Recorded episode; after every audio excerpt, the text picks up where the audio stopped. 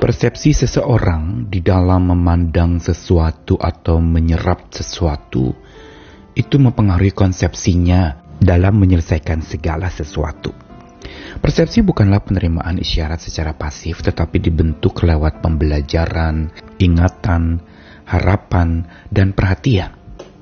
Dan persepsi inilah yang sebenarnya perlu dibangun berdasarkan keyakinan seseorang. Karena tanpa persepsi yang benar, kita tidak akan menemukan konsepsi yang benar pula. Dan persepsi ini adalah ajang atau singgah sana di mana iman atau keyakinan kita itu tinggal. Bila keyakinan kita itu kuat, maka persepsi kita pun akan terbentuk berdasarkan keyakinan yang kuat itu. Di dalam percaya kita kepada Tuhan, tentu saja persepsi menempati tempat yang sangat penting di dalam membangun seseorang menjalani kehidupan. Karenanya ketika seseorang misalnya mengalami kelelahan, berjalan, tertatih-tatih dan tidak sanggup lagi, merasa bahwa dia tidak dapat memikul beban yang begitu berat. Dia merasa sudah kehilangan daya dan dia sudah merasa bahwa sudah habis segala upaya dan energinya maka pada saat itu persepsi akan menjadi sesuatu kekuatan. Yang tentu saja persepsi yang dikuatkan oleh iman.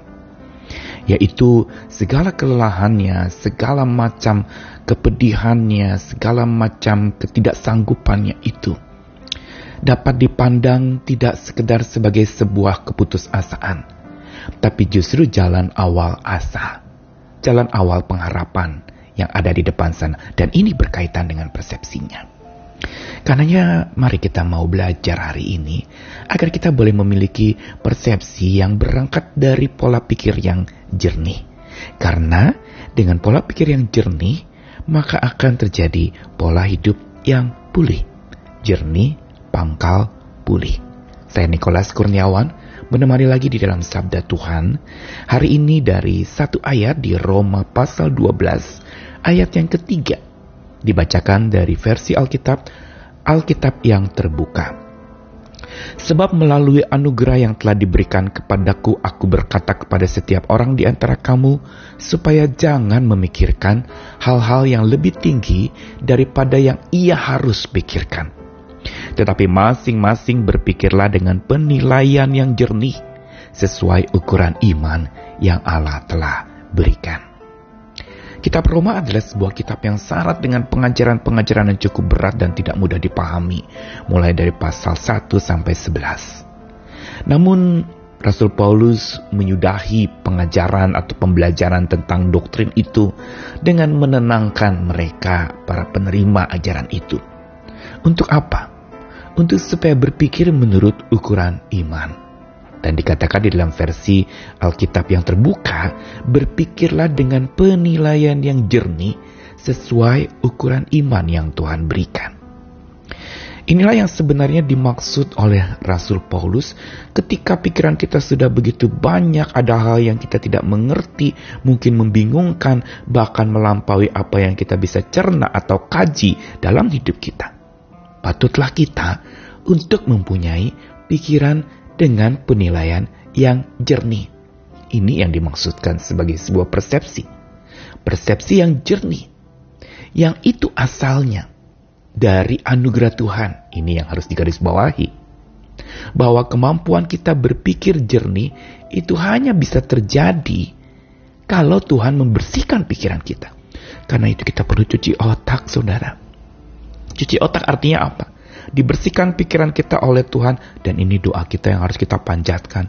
Tuhan murnikanlah pikiranku, bersihkanlah pikiranku dari pikiran-pikiran buruk, dari pikiran-pikiran negatif, dari pikiran-pikiran yang menyesatkan, pikiran-pikiran kebohongan yang belum tentu benar dan kita pegang sebagai sebuah kebenaran. Pikiran yang jernih dan yang sudah dibersihkan oleh Tuhan, inilah yang akan membentuk persepsi kita juga menjadi jernih. Dan pikiran inilah yang dikatakan melalui anugerah yang Tuhan sudah berikan. Paulus mengatakan, Aku berkata kepada setiap orang supaya jangan pikir hal yang lebih tinggi dari yang seharusnya. Kita sering kali ketika rumit pikiran kita, punya banyak masalah menjadi overthinking dan overnya itu begitu membludak, meluap begitu rupa. Hal-hal yang tidak perlu kita pikirkan, kita pikirkan terus. Hal-hal yang bukan menjadi tanggung jawab kita untuk memikirkannya, kita pikirkan. Jangan buang-buang energi berpikir untuk hal yang tidak perlu kita pikirkan. Karena justru pikiran yang jernih adalah pikiran yang menurut ukuran iman. Pikiran yang jernih adalah pikiran yang dibersihkan oleh Tuhan. Sehingga kita bisa memilih dan memilah apa yang patut kita pikirkan. Yang memang tidak penting ya jangan dipikirkan. Yang memang tidak membangun ya sudahlah, jangan pikirkan. Lebih baik doakan dan serahkan kepada Tuhan yang Maha Tahu. Kalau kita sudah buntu pikiran kita, minta Tuhan bersihkan pikiran saya supaya ada jalan keluar, tidak buntu lagi.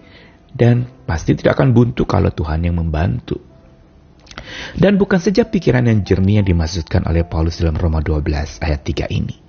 Tapi juga hati yang bening Kenapa dikatakan anugerah yang diberikan kepada Rasul Paulus yang membuat dia tidak berpikir hal-hal yang lebih tinggi dan berpikir dengan penilaian yang jernih sesuai ukuran iman? Jangan lupa ketika Rasul Paulus bicara soal iman, dia bicara soal hubungan dengan Tuhan. Dia bicara soal keyakinan yang berarti ada di dalam Tuhan, en Kristo, sebuah istilah yang sering digunakan Rasul Paulus untuk mengaitkan kehidupan iman yang konkret, yaitu hidup di dalam Tuhan. Bukan iman percaya seolah-olah confidence yang kita bangun berdasarkan persepsi kita sendiri dengan kekuatan kita. Bukan. Tapi sebuah pandangan yang berangkat dari kekuatan Tuhan. Dari keyakinan bahwa Tuhan lebih kuat dari hidup kita. Tuhan lebih dahsyat. Di sinilah hati yang bening akan makin terus menerus dia bertumbuh. Dan hati yang bening mengusir segala pening. Tapi hati yang bening bagaimana cara mendapatkannya? hening bersama Tuhan. Ini yang tiap hari kita perlu lakukan. Dan kalau hati yang bening sembari hening bersama dengan Tuhan, maka ini menjadi hal kedua yang membentuk persepsi kita.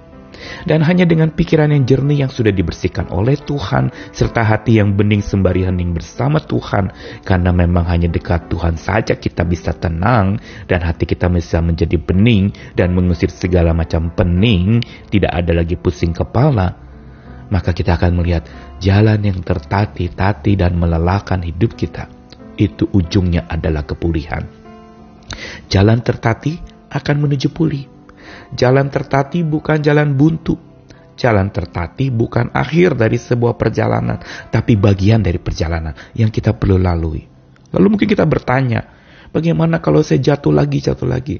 Kekuatan dari diri sendiri akan membuat kita jatuh lagi dan jatuh lagi. Tapi kekuatan yang dari Tuhan akan membuat kita terbangun dan terbangun lagi. Karena itu saat engkau sedang tertatih hari ini. Ingat, ujungnya pulih, tapi rahasianya pilih pikiran yang jernih, yang dibersihkan oleh Tuhan, hati yang bening untuk hening bersama dengan Tuhan selalu. Tuhan mengasihi kita sekalian, ayo jernihkan pikiran supaya pulih itu dapat terjadi dalam hidupmu senantiasa. Tuhan mengasihi kita sekalian, selamat berjalan bersama dengan dia. Amin.